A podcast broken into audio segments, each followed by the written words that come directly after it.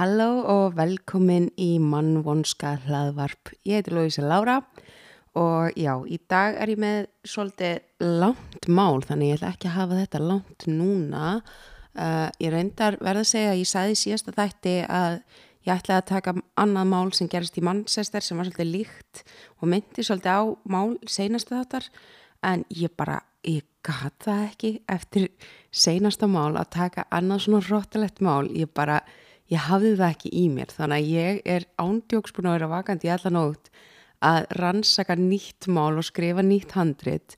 Uh, þetta er mál sem ég hef vitað af í svolítið tíma og um, ég, veit, veist, ég veit ekki hversu þekkt þetta er. Þetta var náttúrulega rosalega þekkt í bandaríkjunum. Uh, ég man ekki hvernig ég heyrði af þessu máli en ég man bara, ég heyrði bara veist, af þessu einhvern tíman og hugsaði bara hvað, þetta er klikkað mál þetta er bara alveg insane og bara var ósláð spennt einhvern veginn að fara í rannsókn á þessu en svo þegar ég er búin að vera allar nóttinn að rannsaka þetta þá bara ó nei þetta er bara rosalega sorglegt. Þetta er svona ekki alveg eins svona krassandi, jú þetta er vissulega mjög krassandi en hérna en í, í um, en já, í heildina er þetta bara svo rosalega sorglegt mál. Þannig ég ætla bara að vinda mér strax í málið svo við verðum ekki allan dag og ég er svolítið hann í lókin að stikla á rosalega stóra því ég var alltaf inn og kom bara 13 blasir og ég hugsaði bara veistu ég haf svo mikið eftir að þetta þarf að vera túparter en mér langar ekki að gera ykkur það aftur þannig að ég ætla bara að reyna svolítið að stikla á stóru þannig í lókin sem ég er mjög leðilegt að því þetta er, þetta er svo ógeðslega áhuga að vera svo allavega byrjum á þessu. Árið 1998 byrjaði ung svolítið sjúskuð 16 ára stelpa að mæti kirkju í Vancouver Stelpan var með dögt þygt hár, greitt í tvær fléttur og var klætt í smekkbuksum. Hún var með skakt brós og barnalega rödd. Hún vakti aðtikli hjá kirkjugestum sem byrjaði að spurja hann um bakgrunn hennar. Stelpan sagðist þetta Brianna Stewart. Hún sagði að hún var í 16 ára og heimilislaus. Áður hún kom til Vancouver þá var hún í Portland þar sem hún gekk göturnar á daginn og svaf í skílum fyrir heimilislaus á næturnar. Félagsrákjafi var kallað til og tók fjölskylda með eftirnefni Gambetta Bríönu að sér. Gambetta fjölskyldan skráði Bríönu í Evergreen High School þar sem skólaráðgjafi Greg Merrill tók á mótenni. Hann spurði Bríönu um bakgrunn sinn og Bríöna saði honum hræðilega æfisögu sína. Bríöna sagði að hún var uppalinn rétt fyrir utan móbæl í Alabama með mömmusin og stjúpföður en stjúfæður hennar var lauruglistjóri í bænum. Mamma hennar var myrkt þegar hún var barn og hún bjóð með stjúpföður sinum sem að kynferðslega misnútaði hana. Brianna enda á því að strúka heimann og er búin að vera að flakka á milli fylgja og reyna að komast norðvestur þar sem hún myndi að mammenar hafði einhvern tíman sagt að blóðfæriðarnar væri þaðan og hún vildi reyna að leita einhverjum vísbendingum um hans og uppruna hennar. Uh, ég kannski tek fram núna hérna, ég gleymi alltaf að setja trigger warnings fyrir, ég gerði yfirleitt í lýsingun eftir á en það er rosa mikið uh, trigger warning um kemferðsofbeldi í þessari sögu um, uh, sjálfskaða hugsanir. Já ég held að sé svona það helsta.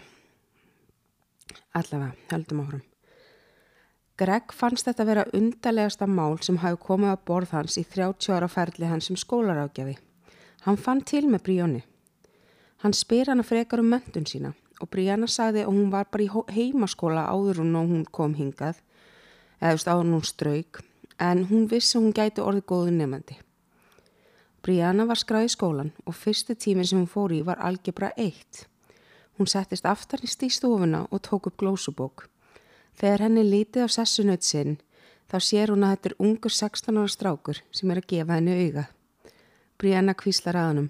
Hæ, ég heiti Brianna, ég er ný. Strákurinn svarar, hæ, ég heiti Kenny Dunn. Brianna og Kenny gáttu ekki að hætta að brosa hver öru. Á hverjum degi mætti Brianna í skólan í nána sömu fötunum, smekkböksum ból, tenniskóm og möttist tvær fléttur. Þetta þótti ansi hallarislegt á sínum tíma og á þessum aldri og hún skar sér svolítið frá jafnöldum sínum. En skólafélagin reyndu samt að taka vel á mútinni og einn daginn buðu bekkjasýstur hennar hennar að koma í kringlun eftir skóla og í bílnum byrjaði að hlusta tónlist og dansa og Brianna reyndi líka að dansa en hún kiftist bara vandræðilega til líkt og hún hafi bara aldrei heyrt tónlistaður. Brianna elskaði tennis en hún var þó vestu tennisspillarinn í liðinu. Kenny Dunn kom alltaf og fyldist með æfingunum hennar og var ótrúlega hillar á sér vandræðilegu undarlegu stelpu. Hann mætti líka með henni í allar áhernapröfu fyrir skólaleikrunum sem Brianna var æst að taka þátt í, þrátt fyrir að vera líka alveg skjálfileg leikona. En það skipti Ken engum máli. Hann sagði við vini sína, hún er ólíkt, ólík öllum stelpun sem ég hef hitt. Ég fýla hvernig hún lappar, ég fýla hvernig hún talar og ég bara fýla hvernig hún er. Hann mætti með henni í kirkju og Brianna fór oft upp og þuldi úr biblíunni frá minni og það þótti Ken magnað og sagði við fólkdur svona, vá, það er eins og hún sé búin stúdra biblíana í mörg ár. Brianna sagði Ken aðeins örlítis frá bakgrunnum sínum en hún byrjaði alltaf að opna sig meira og meira. Eitt daginn þegar Brianna og Ken voru í matsalnum í kringlunni, eða þú veist, í The Mall, í selta kringlan, versluna miðstaða kjarnanum er mér að, þú veist, að þið veitir hvað ég meina þegar ég segi kringlan en þau eru þar að borða og þá segir Brianna Ken alla sólasöguna. Hún sagði við Kenny eh, sest, meiri upplýsingar en hún sagði skólarækjánum. Hún sagði honum að stjúpapi hennar myrti mömmur sína. Hún sagði að hún var vittna því og sá hann stingana til dauða og bera líka hennar í burtu. Hún saði einnig að Ken stjúpapinar tók upp myndbönd af honum og vinum hans að nöðgenni og seldi á svarta markaðnum. Þegar hún var 11-12 ára var hún svo ólétt og stjúpapinar hrindi henni niður stiga svo hún misti fóstrið.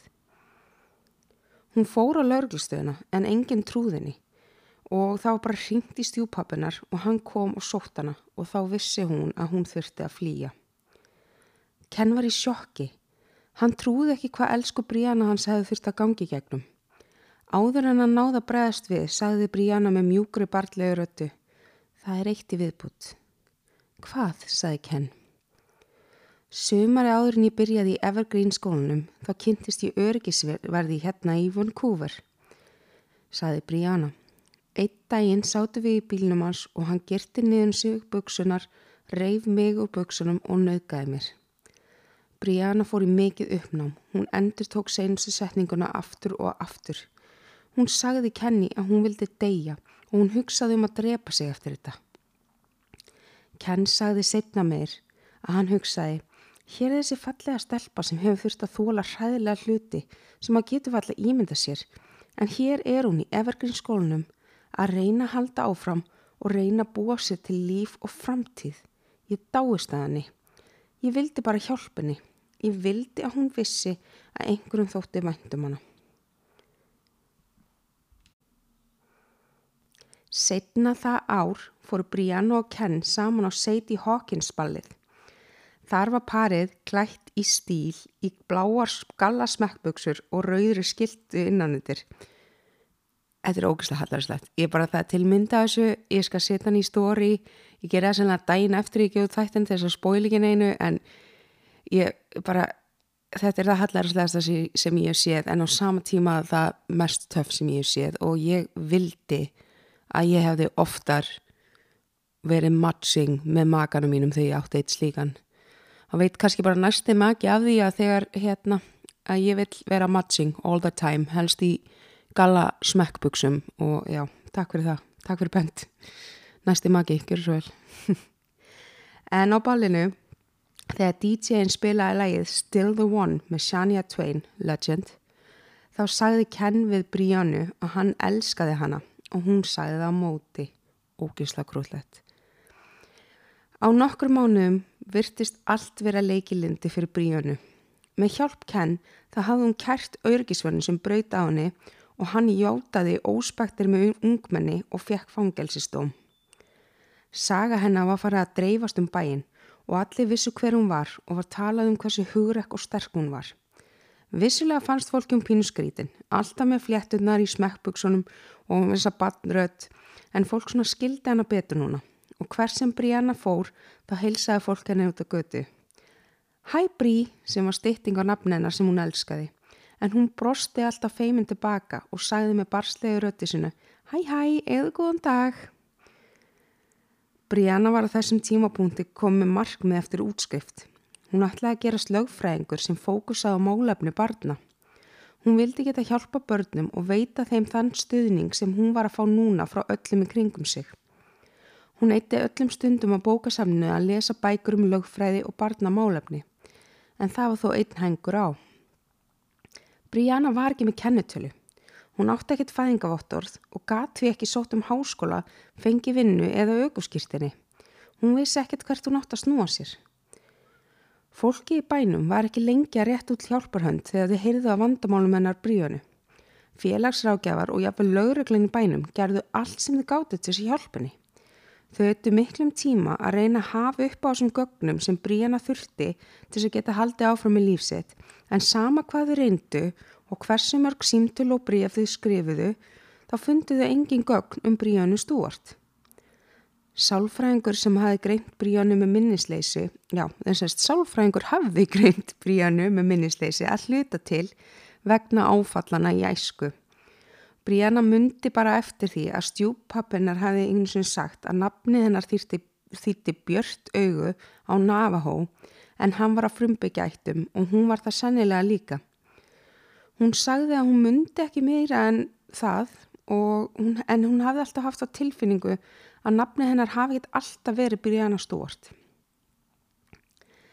Brianna bauðst þess að gefa DNA sitt í leita upprönnum og meiri sé að spurði lögurglithjón hvort það væri nokkuð séns að hún var í tím stelpa sem var reynd frá Salt Lake City árið 1983. Það var skoðað en allir komið tilbaka tómhendir. Hún meiri sé að tók frí frá skóla í nokkra daga til að ferðast með lögurglithjón til Daphne, Alabama þar sem hún hjælt að hún hefði allst upp. Brianna og laurugluþjóðnin yttu nokkrum dögum að ferðast um bæin og aðtöða hvort að Brianna kannadast nokkuð við sig. Hún myndi eftir nokkrum stöðum en þau fundi ekki heimileginar eða gögnum hún hafi nokk tíma búið þar. Þrátt fyrir allt þetta vesen sem Brianna var að standa í var sambandi hennar við Kenny en það stert. Þau fóru á loka ballið og klættist Brianna kjól saumaðan af mömmu Kens sem hún saumaði úr dýrasta gilda efninu sem hún fann í efnabúðinni og Ken var í nákvæmlega eins kjól líka, nei, ok, þau voru ekki matching þarna en hversu frábært hefði það verið. Um í jólinn gaf Ken henni silfurhing sem hefði áletrað uppáhaldsetninguna hennar úr Romeo og Juliet og þá eru við að tala auðvitað um Leo DiCaprio myndina Come On. En í ringnum stóð I love thee. Og já, já, já, þetta er cringy en þetta er líka grúllegt, ég finna, come on. Þú veist, við höfum öll verið börn og úlingar og verið aðstæðanlegasta fólki í heimi en við enda þriðja árs í skólanum kom præðilegt atvik Brianna sem hefði verið að búa hjá Gambetta fjölskyldinni og þau koma ótrúlega vel frá hana allra sögn Þau tóku henni eins og sínum eigin börnum, hún var með sér herbergi með tennisplakkutum og veggjum sem Gambetta fjölskyttan útviði henni að því hún elskaði tennis. Hún fekk vasapenning í hverju viku líkt og hinn börnið þeirra. Sónur Gambetta parsins var góður vinur Ken og það bara virkaði allt eins og í sögu. En einn daginn ringdi Brianni í laurugluna og ásakaði fjölskyldufæðin um að vera njóstnána meðan hún skiptum född. Hún sagði að hef, hún hefði uppgötta myndavilar í herberginu sinu og á baðinu og að, að hann hafi verið að búið til vítjóspólur af henni afklæðast. Allt fór í uppnám. Lauruglan rannsakaði málið en fann ekkert sem stutti við frásökk Bríónu. Þetta kom Gambetta fjölskyldinu opnaskjöldu. Þau höfðu séðum Bríónu eins og sín einböðn og þóttu væntum hana. Þau hefði vissilega skilninga á að mögulega var Bríana með einhverja paranóju og geðkvilla sem tengdist áföllum hennar en þau treystu sér ekki að hafa Bríanu á heimilinu eftir þetta. Móður lauruglumanns í bænum tók því Bríanu að sér. Bríana hjælt þó fram, alltaf fram, að hún var að segja satt. En þetta atveik let Ken fara efast um allt sem Bríana hafði áður sagt honum. Hann gati ekki hort fram hjá því að Bríana hafði logið um þetta atveik og þau hættu saman stuttu setna sem er mjög sorglegt Árið setna klættist Brianna fallegum grænum útskriftakubli og gekk þvert yfir svið, sviðið að taka móti gráði sinni úr Evergreen High School. Hún útskrifast með enganir bara svona í meðlagi en það voru samt allir ótrúlega stoltir að þetta hafðist fyrir Briannu með við bakgrunn hennar. Kenny nálgæðis Briannu þennan dag, jafnlóttu voru hægt saman en þá elskaði hann hana ennþá og engin annar í lífinu hefði haft eins mikil áhrif á hann. Ken og Brianna töluðum um framtíðar áform og deildu minningum. Ken var að fara að vinna í Disney World flytjur bænum en Brianna sagði honum að ráðgjafi hennar fekk hann til þess að sækja um í háskóla með fjárraksafstóð og fekk hún undan þáðu þrátt fyrir kennitöluleysu að sögum aðstæðana en vissilega þurfti að kipa því máli í lag sem fyrst. Þú mynd standaði svo vel, sagði Ken þegar hann kvattana. Sömarið árið 2000 vann Brianna sjálfbóðavinu þar sem hún gati ekki fengið laun án kennitölu en hún fóð virkilega spít í lofana með það mál. Hún hafði sambandið tvo lögfræðinga, einn í Portland og annan í Vancouver til þess að vinna í máli hennar. En lögfræðingarnir vissu ekki á hvorm öðrum og vissu því ekkert hvað hinn var að gera, þú veist, þú voru bara að vinna í sitt hverju hotninu. Lögfræðingurinn í Vancouver kærði ríkið til að neyða þau að gefa út fæðingavottor á bríönu. Hann sendi öll gögn sem, sem hann hafði, félagsrákjafarskíslur, sálfræðiskíslur og námsgögnun hennar og allt sem þau höfðu til að styðja við málsitt. Og það leit allt út fyrir að þetta var að fara að fara í gegn hjá honum. Fylgi sagðu að þau höfðu bara ekkert að móti því að gefa út fæðingarvottor og ætluðu ekkert að mótmala því. Eina sem hún þurfti að gera var að mæta í réttasal í mars 2001 og þá geti hún fengið loksins fæðingavottorð og þá í kjölfari kennetöluna. En lögfræðingurinn hennar í Portland vissi ekkit af þessu og var bara ennþá að vinna máleina bríunu. Hann fór samt aðra leið, hann hafði samband við allriki beint og bað þau um að gefa út kennetölu og eina sem hann vantaði frá bríunu til þess að láta það fara í gegn var fingrafar sem hún gaf en viku áður en að Brianna átt að mæti í réttarsal til að fá fæðingavottorið, þá var hún handtekinn. Lauruglu þjóttnin sagði Briannu að hún var handtekinn fyrir þjófnað og sveik. Brianna var ringluð, hún vissi ekkert hvað hann var að tala um. Lauruglu þjóttnin sagði, fingrafarið þitt staðfesti það Brianna. Þú ert ekkert Brianna Stúart, átján ára nefandi. Þú ert trí, trífa þrónberi 31 ás kona og þú hefur verið að nýta fría fósturfjölskyldukerfið í mörg ár og mentakerfið. Allir í bænum voru í sjokki þegar þetta komst upp. Mamma Kens ringdi í hann og sagði honum fréttinar. Ég trúis ekki, sagði Ken. Ég fór á lokaballi með konum sem er 12 árum eldri en ég.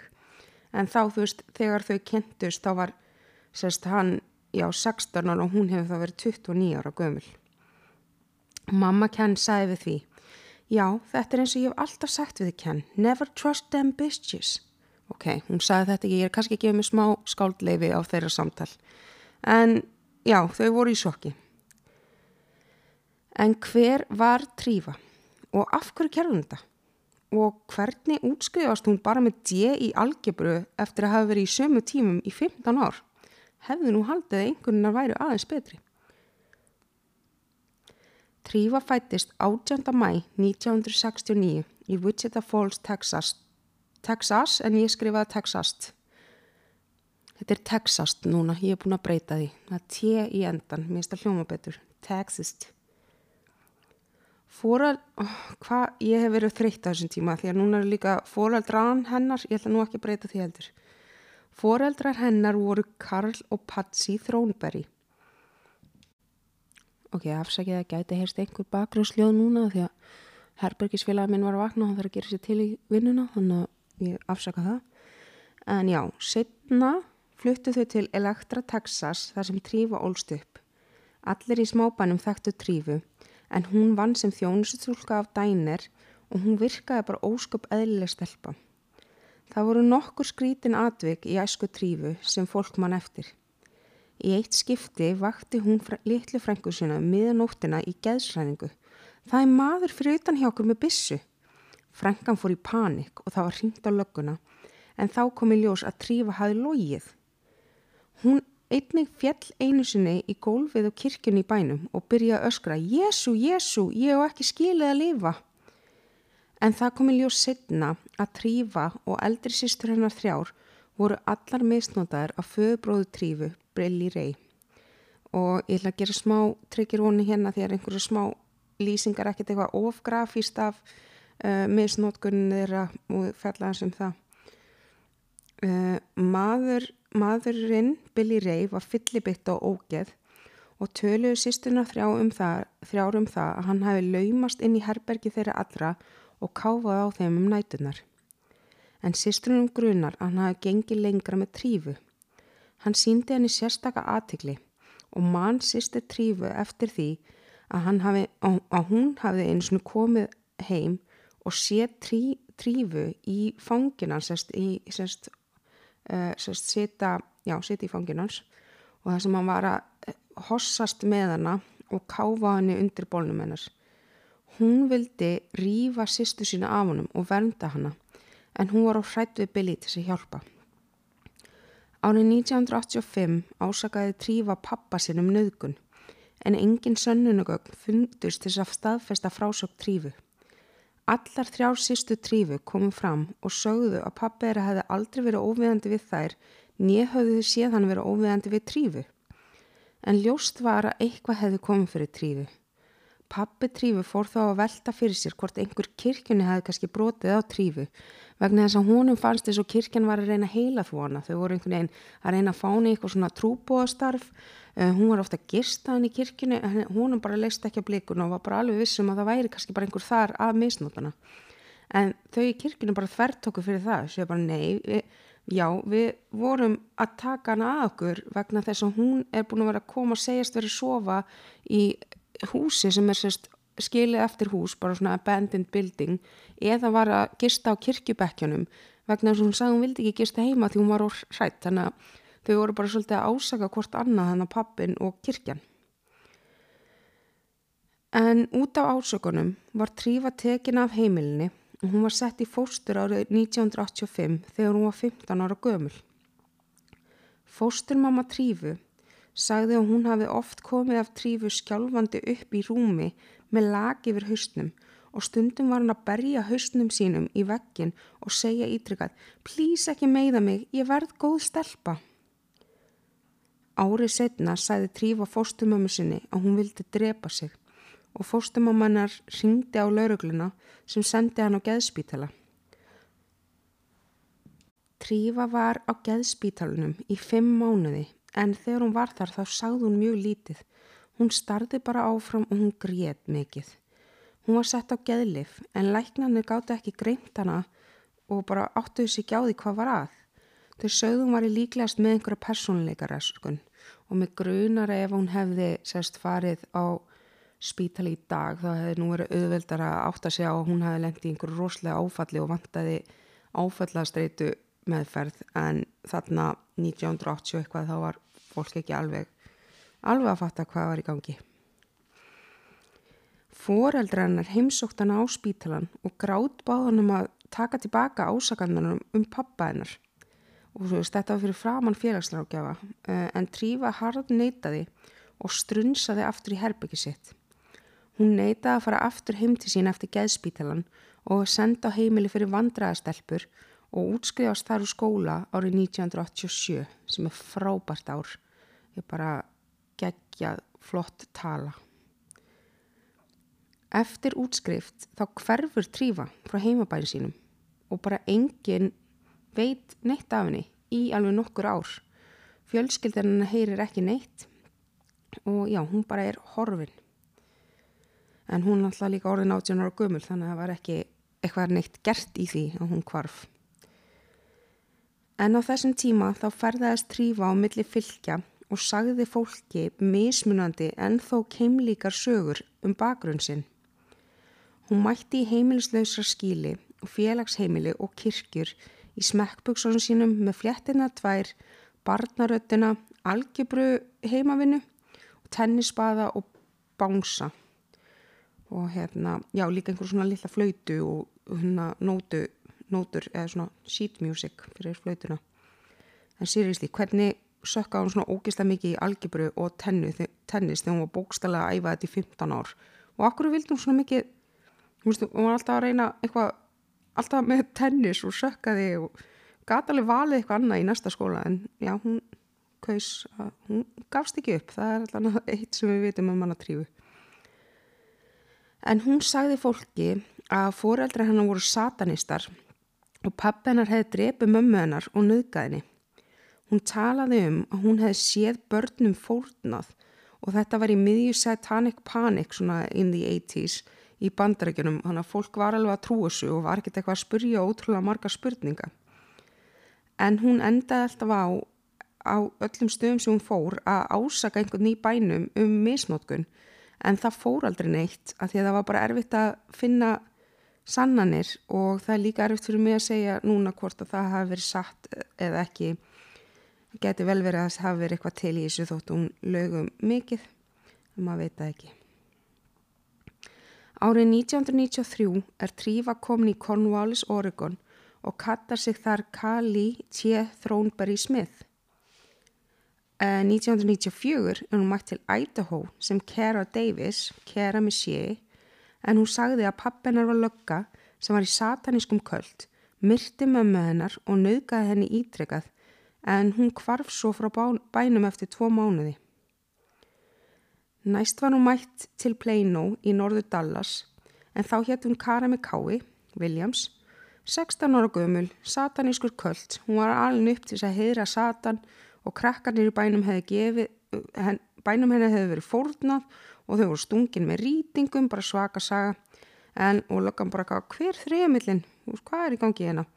já, mamma myrti pappa en, veist, en þarna á löggan eitthvað svona hei, kannski, til hljómar alveg svolítið crazy, við ættum kannski eitthvað að skoða þetta og, og hérna það komst upp og hún var að ljúa þannig að hún bara let sér hverfa. 1996 mætti hún sem Emily Williams í Aswell í norðu Karolina og þar var hún að flýja satanískan köld. Og setna það sama ár var hún komin í Altoona, Pennsylvania sem Stephanie Daniel Lewis. Og lauruglan þar rannsakaði trífu sem að mér mjög skrítið að mjög fáur gerðu alla þessa sögu í 15 ár sem hún var að gera þetta. En þau rannsakaði hana og þau fundu stelpu í Texas sem hún þekkti og stelpan staðfesti hver trífa var í raun og veru. Og þau kærðu trífu fyrir falskar upplýsingar og hún þurfti að vera nýju dag í fangelsi og þarna var eflust tekið fingrafarið af henni sem var þeirri svo falli Eftir að hún losnaði þá let hún aftur sig hverfa og bara já í næsta bæ að vissanst sama hlutin. En í allt húna þegar máli komi upp þá hringdi félagsrækjafi í fóröldur trífu og fekk, að, fekk hana til að tala við þau í síman. En trífa þóttist ekkit vita hverðu voru. Í síman sagði hún við pappa sinn, þú hljóman er svo góðu maður. Ég vildi þú væri raun og veru pappi minn en þú ert það ekki. Hún ferðast til Louis Louisiana, New Jersey. New Jer Louisiana, New Jersey og, já, já, já, já. Þetta er ekki eitt staður sem heitir Louisiana, New Jersey, Ohio. Hún færðast til Louisiana, komma, New Jersey, Ohio. Alltaf sama sagan en að minnstu kostiði mjög svipuð en hún byrjaði samt eitthvað að minga þetta sataníska bylla því að ég held hún hafi fattað að það fólk skoðaði það kannski svona aðeins betur heldur en hitt um, en allt í allt var hann með átján tánings, táningsdulnefni og svo lögs 1998 mætti hún til Vancouver og fór í Evergreen skólan og leit út fyrir að þar loksins eftir útskrifst þá ætla hún að fullornast. En já, hún, gerði, hún hafði vissulega útskrifast áður með eitthvað dulnefni en hún held alltaf bara áfram í næsta fylki að gera saman hlutin en hún var virkilega að leggja það á sig að komast í háskóla og ætlaði greinilega að loksins byrja lífið sitt og fullornast hún var að fá þess að kennitölu gegn og hún leiti allt út fyrir hún ætlaði að hætta þessum fellik þegar þetta gerist og hún er handikinn og við erum komin aftur manna, þetta er árið 2000 og þetta er allt komið upp. Hún er handikinn og sagt, það bara fer allt í uppnám í bænum. Fólk skiptir svolítið í fylkingar. Margir voru að segja bara wow, hún er bara criminal mastermind. Og aðri voru bara nei það hlýtur bara vera eitthvað virkilega mikið að. Og ég verð nú að segja að þú veist criminal mest, hún var ekkit að fá þú veist, hver hún, hvað var hún að græða þessu? Oh my god. Ógislega vandur allt mækinn datt á andlita á mér. Ég baðst á þessu pistafsökunar þessi en þú veist ég alveg þú veist hver criminal mastermind og hún fekk að vera í fóstur heimili í skóla í 15 ár. Það er bara þvílík glæpa snillingur en þú veist vissulega já sveikun á kerfinu og einhverja skattpenninga en já sumum fannst kannski verið að sækja heldur hartaði að setja hana fyrir dóm vegna þess að þau hugsaðu bara að þetta er ekki það mikil það er greinlega eitthvað að hún þarf að leita sér hjálpar. En aðrir voru bara rosalega reyðir uh, þess að hún hafi alveg það var mikið skaði sem kom að því. Hún alltaf uh, átti kærasta sem var undir lögaldri það hefur verið virkilega traumatizing fyrir hann og auðvitað lögbrot. Hún reyndar var aldrei ég held bara að hann hafi ekkert og fjölskyldan hans hefði ekkert kært eða neitt. Þannig að það var aldrei gert neitt í því máli. Um, hún alltaf var að ásaka uh, stjúpfjölskyldunum sína um uh, þessa myndavélamál sem að, þú veist, fólki fannst veist, sína að hún væri með eitthvað illt í pókahotninu og svo var fólk bara eitthvað, guðminn góður það situr maður í fangelsi fyrir að hafa sofið hjá henni en hún er í raun 31 þannig við þurfum að ná honum út sem fyrst. Og það var gert en fyrir mitt leiti þá hann held samt hann hefði sofið hjá 16 ára stelpu mér fannst þess að fólk heldur mikið bara eitthvað, guðminn góður við þurfum að drífa hann út fangelsi. Hún var 31 en hann held um hann 16 hann mátti alveg dúsa hann aðeins lengur. Allan finnst mér það. Það var svaka drama þegar mál bríönu eða trífu átt að fara fyrir dóm. Uh, vegna þess að trífa var stanslust að reka lögfræðingarna sína. Sérst, hún fekk bóð frá ríkinu þess að herðu ok sérst, við skulum bara ekki, við þurfum ekki að fara í réttasal ef þú bara skrifar undir það að þú ert trífa þá farið bara tveggja ára skilásbundin dóm og ekkert vesen, þú veist, það ert ekki að fara í fangelsi eða bara eitthvað svona community service og, og ert á skilorði. Og hún bara neytaði að taka þessu svo lögfræðinginu voru mikið á móti en hún var bara nei, ég ætla bara ekki að viðkenna ég sé einhver trífa þrónbari ég er ekkert trífa þrónbari uh, margi lögfræðingar hennar voru nefnilega með þá strategíu að ætla að segja hún hefði ekkert verið seg vegna þess að hún raun og verið trúi að hún sé Brianna en Trífu leist ekkert á það og vildi ekki taka, eða veist, fara með þessa vörn í dómsal að því hún var bara eitthvað, ég vil ekki að fara með eitthvað vörn í dómsal að ég held að ég sé Brianna, ég er Brianna þannig að hún bara, bara rak alla og var bara, herðu ég ætla bara að verja sjálf mig. Ég er búin að hérna vera að læra lögfræði smá hún var náttúrulega að lesa, lesa lögfræði bækur út um allt og hún bara eitthvað, ég ger það bara sjálf það trú mér enginn og hún fer sérst fyrir rétt og hérna og bara já fer, hún, hún er sérst hún, hún, hún er hægt að vera í þessum smekkböksum en hún er alltaf samt með þessar fléttur tvær en hún er múin að skipta út þessum galla smekkböksum í svona sítt galla pils sem er enda mjög trendi í dag þannig að hún var bara mjög töff.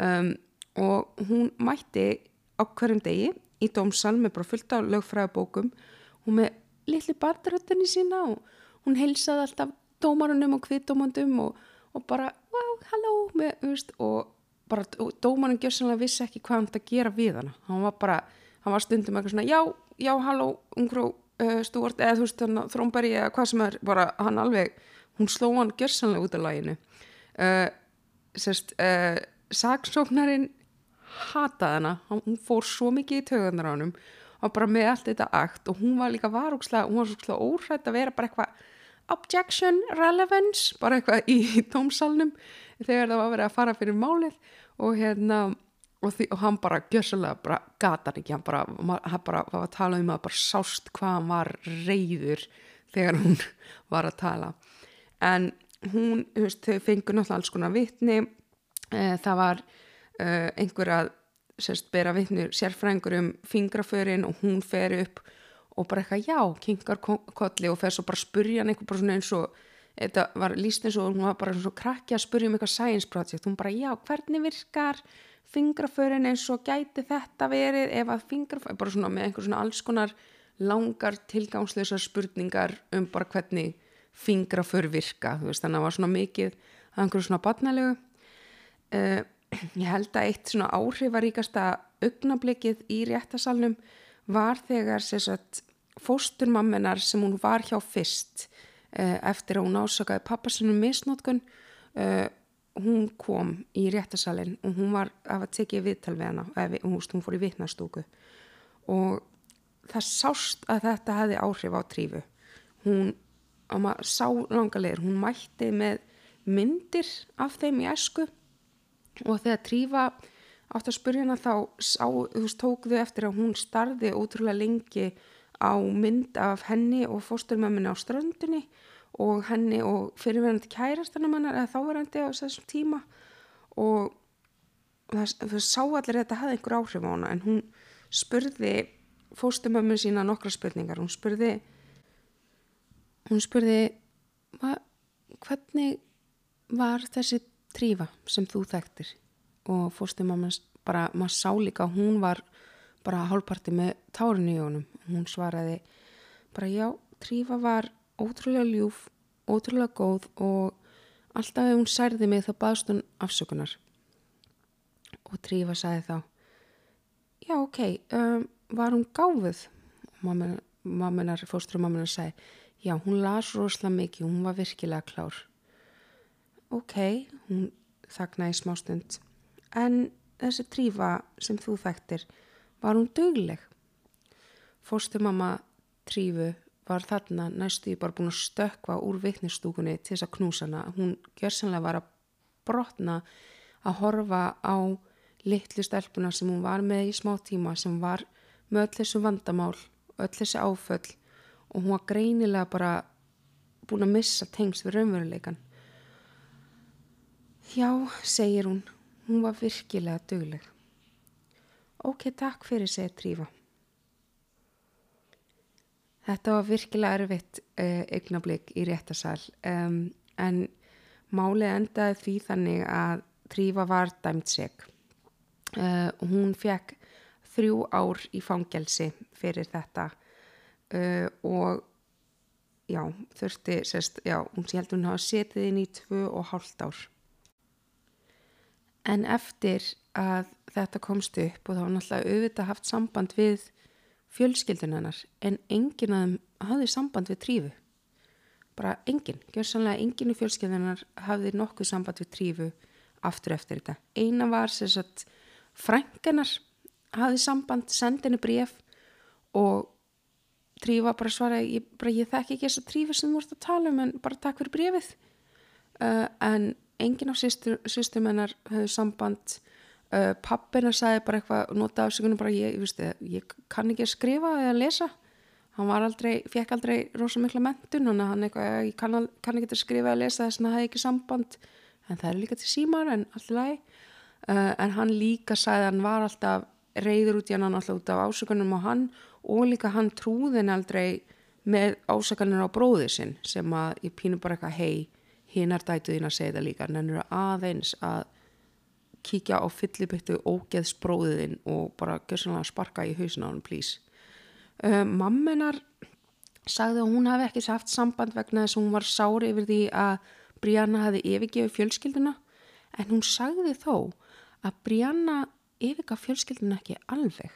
Og þetta er uppáhalds augnabliki mitt í öllu þessu máli.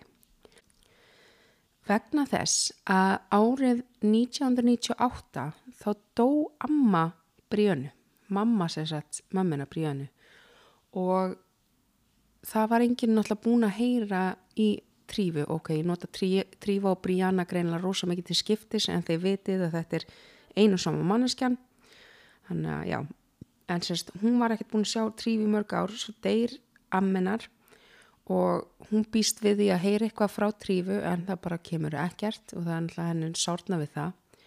En svo í jarðaförinu þá sér hún að aftast í bæknum situr bara eldgumil kona þannig að hún kannast ekki við. Og svo þegar hún er að fara úr kirkisalnum þá tekur hún eftir að það er eitthvað bóið við þessu gömlu konu. Þetta virkar eins og grá hárkolla og bara hún er máluð bara rosa mikið með bara köku að farða sem virkar eins og hrukkur. Og hún var alveg fullviss um það að þetta hefði verið trífa komin til að kveðja ömmu sína. En trífa neytar fyrir þessu og hún hefur aldrei viðkend að hún er trífa. Hún gjörsanlega sagði þegar hún var dæmt þá fór hún sérst uh, hafði, voru blaðamenn og svona hann bara hvað gerðist og trífa bara hvað þetta er ógislega sorglegt og óréttlátt og þau segja, hvað er óréttlátt? Er þetta að tala um það sem kom fyrir því æskunni? Hún bara, nei, ég veit ekki hvað kom fyrir þess að trífi æsku ég er ekki trífa ég er Brianna, hún bara hjælt ég ennþa fram hún náttúrulega setur inn í fangelsi og hún kemur út tvömur um hálfa ára setna og þar aftur ná blaða með náni og reyna að fá að eitthvað úr henni. Og hún segi bara heldur áfram fram, hún bara ég er ekkert neinn trífa. Ég heiti Brianna Stewart og ég veit að þið gerðu DNA rannsók með blóðum mitt en hún segir já en það er, sérst blóð getur breyst uh, ef að fólk er í krabbameinsmeðferð og hefur fengið svona blóðgjöf þá getur það breytt DNA-nu og ég held að það er bara það sem hefur gerst. Þess vegna hef ég eitthvað mattsa við þessa eitthvað þrónbæri fjölskyldu sem ég bara tengist ekki í baun. Og já, ég held að það er bara málið. En pappinar sem að sérst, blóði var tekið úr það, hann var aldrei inn enni krabba meins meðferð og fekk aldrei neina blóðgjöf þannig að það bara meikaði ekki sens og líka, já, eitthvað hæpið yfir höfuð. En já, hún bara gjör sannlega aldrei gegst undir því að bara við því að hérna vera trífa. Um, en hvað er hún í dag? Það veit eiginlega enginn. Seinasta sem frettist af henni trífu var árið 2016 þegar sest, það var hringt á laurugluna vegna þess að hún var að uh, vinna sem svona uh, sest, þerna segjum að það. Man finnst alltaf eins og allt sé gendered og móðgandi í dag. Þetta hétt einhvern tíma þerna á, sest, á hóteli Uh, og sérst maður, hún ásakaði manna hótelinu um að reyna að nöðga sér og maðurinn á móti ásakaði um, hana um að hafa kýlt hann í andliti og reynd að stela með þinu hans. Um, og það var bara enginn fekk á sig kæru í því máli því að ég held að það var bara eitthvað, við veitum ekki neitt, bara með ég fara. En þá gegst hún einmitt undir nafninu Brianna en var með annað eftirnafn sem ég reyndar myndi ekki eftir að skrifa niður en hún held ennþá fram og hún var í Brianna og svo hefur bara ekkert spurst til hennar síðan þá. En hérna já þetta var sagan hennar. Trífi Þrónberg eða Brianna Stúart og hún er uh, svolítið rosalega og ótrúleg en hérna og eins og ég sagði þegar ég heyrði hennar fyrst þá hugsaði ég bara guð, einhver kona var eitthvað ljú, bara, bara ég var í hæskúli í 15 ár og átti ekkert kærast það bara rosa sjokkirandi svo fyrir maður að lesa um þetta og maður bara guðminn góður, þetta er veist, hún er ekkert bara eitthvað svona imposter eitthvað sociopati og það er bara eitthvað að. En veist, það er samtalið, það er rosa mikið deilt um þetta því að það eru rosa margir sem segja að það eru ákveðin hluti sem gefa til kynna að hún vissi alveg hún væri trífa en var að ljúa þessu. En það er fullt af öðrum hluti sem gefa til kynna og hún vissi það ekki vegna þess að afhverjáttur hún gefa fingrafæri sitt og blóði sitt og DNA-ið ef hún hafi vitað að, að það myndi koma upp um hana. En þú veist, svo gæti vel verið hún búin að gleima hún hafi gefið fingrafæri sitt þegar hún var handekinn annað eða eitthvað, þú veist, maður veit það ekki. Um, en þú veist ef að hún mætti í jarðaför hjá ömmu sinni þá klálega viss hún að hún væri trífa og myndi eftir ömmu sinni en það virka bara eins og hún ger sannlega, hún, já það er alveg sama hvernig það er þá er bara hún lendi í bara hræðilegur hluti í æsku og í áföllum og, og hann, hann bara virkilega vantaði hjálp. Og hérna og hérna já, þú veist þetta er svona mann finnst svona sumt af þessu svona pínu líka þú sér svona myndir af þú veist þeim eitthvað svona lokaballinu og þetta er svolítið svona gúfi einhvern veginn mál en þetta er samt í hérna bara heldina bara virkilega sorglegt mál á allan hátt og hérna já maður að hugsa líka bara hversu ömulegt kerfið er í bandaríkjanum vegna þess að þetta hefur sennilega komið út frá því að þú veist, þegar hún er átjónara þá náttúrulega er hún ekkert að fá neina hjálp lengur og bara fara út í lífið og díla, þú veist, þegar fólk er búið í fóstur, fóstur hjálp þá bara, já, ok, bless, gangið vel og þú veist, hún hefur bara ekki vita hvað hún þetta gera þannig hún bara, ok, ég bara fer aftur í skóla og reyni að kaupa mér smá tíma og svo hefur þetta bara greinlega spæralað eða eitthvað svo leis en þú veist, ég menna þetta sýnir bara hversu erfitt kerfið er í bandaríkjanum og þegar ég var að skoða þetta mál þá sá ég bara fullt af málum um einhverju, sérst, fólk í bandaríkjanum einhverju konur og sem voru að þykjast vera hæskólunemundur, þannig að þetta er bara ekkert eitthvað þetta er ekkert, uh, ég, þetta er kannski svona svolítið gróft dæmi en hérna að að yfirlegt kemst upp um fólk mun fyrr uh, í hinum málunum sem ég sá en hérna þetta er allavega ekki einstæmi og þú veist, auðvitað eru þú veist önnur máli eins og því ég er imposter ef þið hafi ekki síðan heimildmyndin á myndi að mæli ég svo mikið með því sem maður er eitthvað svona ok, þetta er svona svikarhappur sem veit að hann er að svikarhappast en þarna er ég bara ekkit vissum og hún hafi endilega verið full, fullilega meðvituð um að hún var að svikarhappast allan tíman en hvort sem það er þá allavega yrði þetta frábær Hollywoodmynd og ég skil ekki af hverju ég ekki búin að gera hana. Bara réttarhöldin. Það var svo mikið af fleiri upplýsingum í réttarhöldunum sem ég hef getið gert meir úr sem var bara, þetta var rosalega réttarhöld og þetta yrði bara geggju bíómynd. Uh, ég veit að búið að gera Law Order Special Victims Unit þáttum þetta vegna þess að ég hef svona séð alla þætti og elska á en uh, þátturinn í Law Order Special Victims Unit hétt Pretend og það er náttúrulega ekkert eitthvað officially byggt á neinu máli eins og allt er í Law Order Special Victims Unit. Er samtalið greinilega byggt á þessu máli alveg mikið sem er tekið bara byggt úr bara hlutir sem að þú veist hún særi eftirhaldunum er í þættunum og allt það þannig ég mælu mig að kíka þann þáttu góðu þáttur. Og já það var líka eitt hlutur sem ég slefti úr frásögninu alltaf að taka fram setna en ég, ég bara það í tímalínunni þá hefði það spóila svo mikið fyrir sögunni þannig ég slefti úr.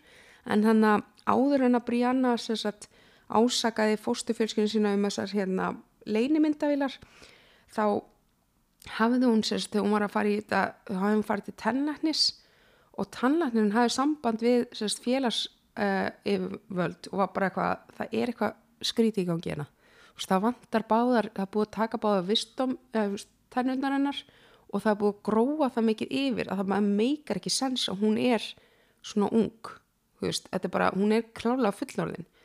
Og félagsrákjaður náttúrulega tala við Bríunni og bara hvernig stendst hvernig stendur þetta? Þetta er, þetta, þetta er ekki hægt og Bríanna bara eitthvað í staðin skrifaði sex blasín á brefum bara eitthvað orðið mitt er eina sem ég hef og ég er ekkit að ljúa og ég held að félagsrákjaðan hafa ekki nefnt að lesa brefi og bara æ, þetta er örgulega bara eitthvað byll og gerði ekkit meiri í þessu. En hún sagði eitthvað kenni frá þessu og bara, ó, trúuru að félagsrækjan og tannarnirinn hvað byllir þetta er? Og, og hann eitthvað svona, ó, ætli, þú veist, hvað, ákveð ætli þetta, þú ætti kannski eitthvað að skoða þetta betur hún varði í rosa miklu uppnámi að hann hafi eitthvað verið að evast um hana og þetta var svona einnöðum hlutum sem leitaði að þau hættu saman. En hérna, Kenny hefur í dag alveg talað um þetta og þú veist, hann er ennþá bara eitthvað þetta merkilegast að manneskjan og hafi ótrúlega mikil áhrif á lífið hans, veist, auðvitað var þetta rosa sárt fyrir hann og örgulega bara virkilega sjokkerandi manneski sem þú ert búin að vera með og bara veist, á uppvakstan áraunum þetta er svo veist, mikilvæg fyrsta ást. Bara hvað þetta er 31 árs kona þessi vittneski þetta er auðvitað virkilega sjokkerandi og ógeðfælt fyrir hann. Og þú veist ég er ekki vissum að við værum að hlæja jafn mikið af, eða við, ég er eina einn en hérna af þessum myndum af þeim á homecoming ef þetta væri, ef hlutverkinu var skipt yfir, ef þetta væri þú veist þetta væri 16 stelpa og 30 og smaður, þá væri maður kannski svona bara eitthvað, ég gæti ekki gert grína þessu en veist, það er eitthvað, veist, maður einhvern veginn, veist þetta er jafn ógeðslegt en maður, ég veit ekki, þetta er bara eitthvað, það er, ég er ekki að gera lítið úr því sem gerðist en það er bara einhvern veginn hvernig hann talar um þetta og, þá þá finnst manni eins og eitthvað, ok, það er alltaf læg með hann allavega, og hann hann kærið alltaf aldrei og hann bara áttaði sig held ég alltaf á því að það bara verði eitthvað virkilega mikið að henni og ég held að hann ber engan eitthvað svona kala til hennar í dag. Og þessi myndi virkilega asnaleg. Þannig að hérna, já, ég posti henni á Instagram. Um, en já, ég ætla bara að segja það gott í dag því að elsku herbyggisfélagin minn er reyna sníglast fram og tilbaka reyna tröflegi þáttinn en á samtíma reyna að gera sér til fyrir vinnu.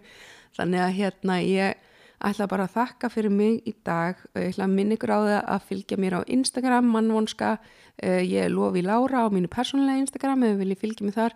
Ég er aldrei viss hvort ég að fylgja ykkur tilbaka því að mér langar að gera það en svo hugsa ég bara hvað þið viljið ekkert að ég sé að horfa stóriðin ykkar? Þannig að ég er svona er eitthvað feimin við það en hérna en kann samt virkilega með þetta að fá hérna fylgið og mér langar ég fylgi ykkur bara tilbaka og ef þið viljið ekki að ég sé að fylgjast með stóriðinum þá bara accepti þið ekki og hérna og uh, ég skal ekki mókast um, en já og líka bara hérna munið þið bara að velja follow sérst við podcastið á Spotify eða hvar sem þið eru að hlusta þannig þið fá tilkynningar um hvernig út nýjir þættir.